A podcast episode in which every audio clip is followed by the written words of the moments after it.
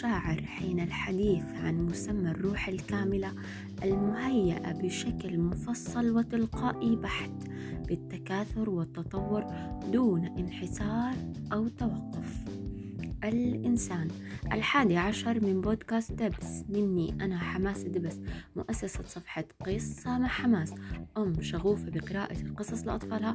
وبودكاست دبس بشارككم مشاعر الأمومة لنقدر نعرف أطفالنا صح عليها. ويلا نبلش. إنسان هذا الكائن الحي المفكر. الذي يفوق الاعتياد والوصف بالدقة والتطور والسمات الحاصلة بجميع تشعبات جسده وكيانه وكماله. إنسان هي صفات كاملة مختزلة ومكتسبة وموروثة تحمل الكثير من سمات المراحل والتطورات الفكرية والبيولوجية والقفزات الدماغية والطفرات الدماغية في كل عصب وخلية وقطرة دم إنسان هي روح كاملة في جسد واحد مليئة بالحدقات الحساسة المتناسبة في خطوط رؤى معينة تجعل منه قادر على التمييز والرؤية والتمعن بكل كلمة وحرف ومنظور إنسان هي تغذيات كاملة وشاملة بصرية حسية دماغية قاعدية فكرية نظرية تطورية وبشكل لا يمكن وصفه في التمعن والاستقطاب والإنجلاء.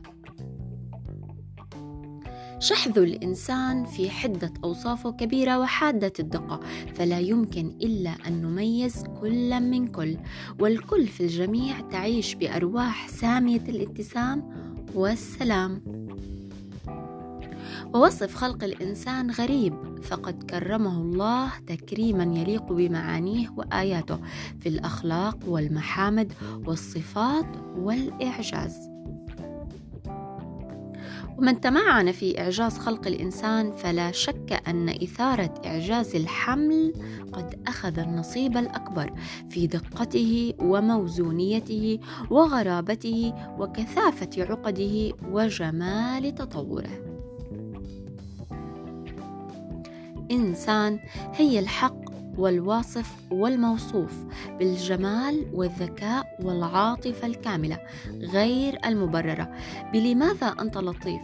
أنت حر أنت خلوق أنت روح تمشي وتسعى وتتطور وتقاوم لتكون أفضل.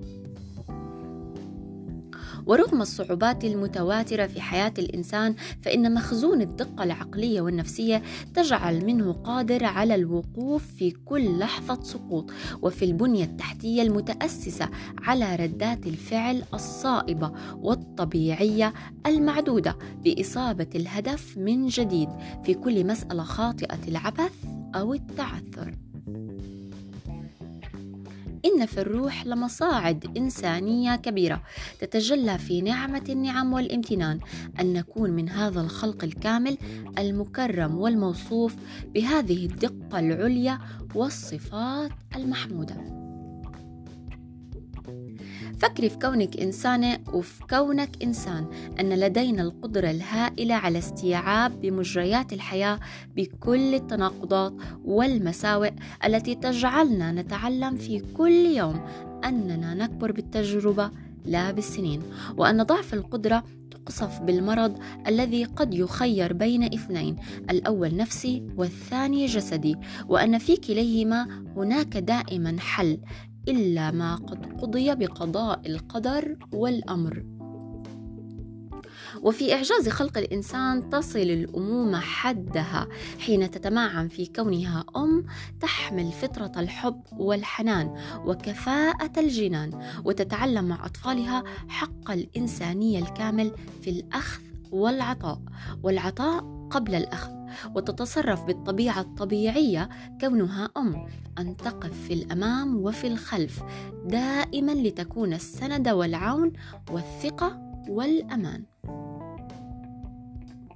قد نربي أطفالنا على ما وهبنا من فطرة ونشأة ولكن نكتشف معهم أننا لا نعلم شيئا حتى عن أنفسنا فتهذيبهم لنا يصل حدودا لا متناهية الوصف في الجمال والذكاء والسقوط البسيط الذي يجعل منهم لنا معلمين صانعين ومقبلين على أبعاد لم نرها يوما ولم نعرفها ولم نكتشفها من قبل.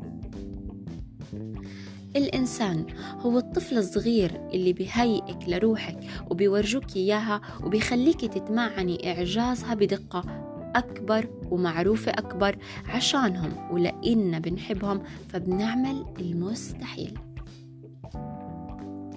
الإنسان الطفل هو أنا وإنتي وكل أم وكل أنثى وكل مربية ومعلمة ومنشئة تقف بين الصفوف على أول تفكير مليء بالحنية والرحمة والروحانية المفرطة العميقة من أجل شخصية كاملة الطبيعية والواقعية مليئة بالإنسانية الصح والأخلاق الصح. حبي أمومتك ودماغك وطبيعتك وبساطتك وتعلمك البطيء. حبي إنسانيتك الفطرية وربي عليها بعلم وإدراك ووعي. أعطيهم لا يعطوك بدون شروط ولا مقابل بس بعهد النية الخالصة لله بالنفع والتكريم. هاي كانت الحادي عشر من بودكاست دبس وبحكي لك زي كل يوم. تذكري إنك أعظم أم بالعالم. وبتمنى لك اليوم كل الحب. Thank you.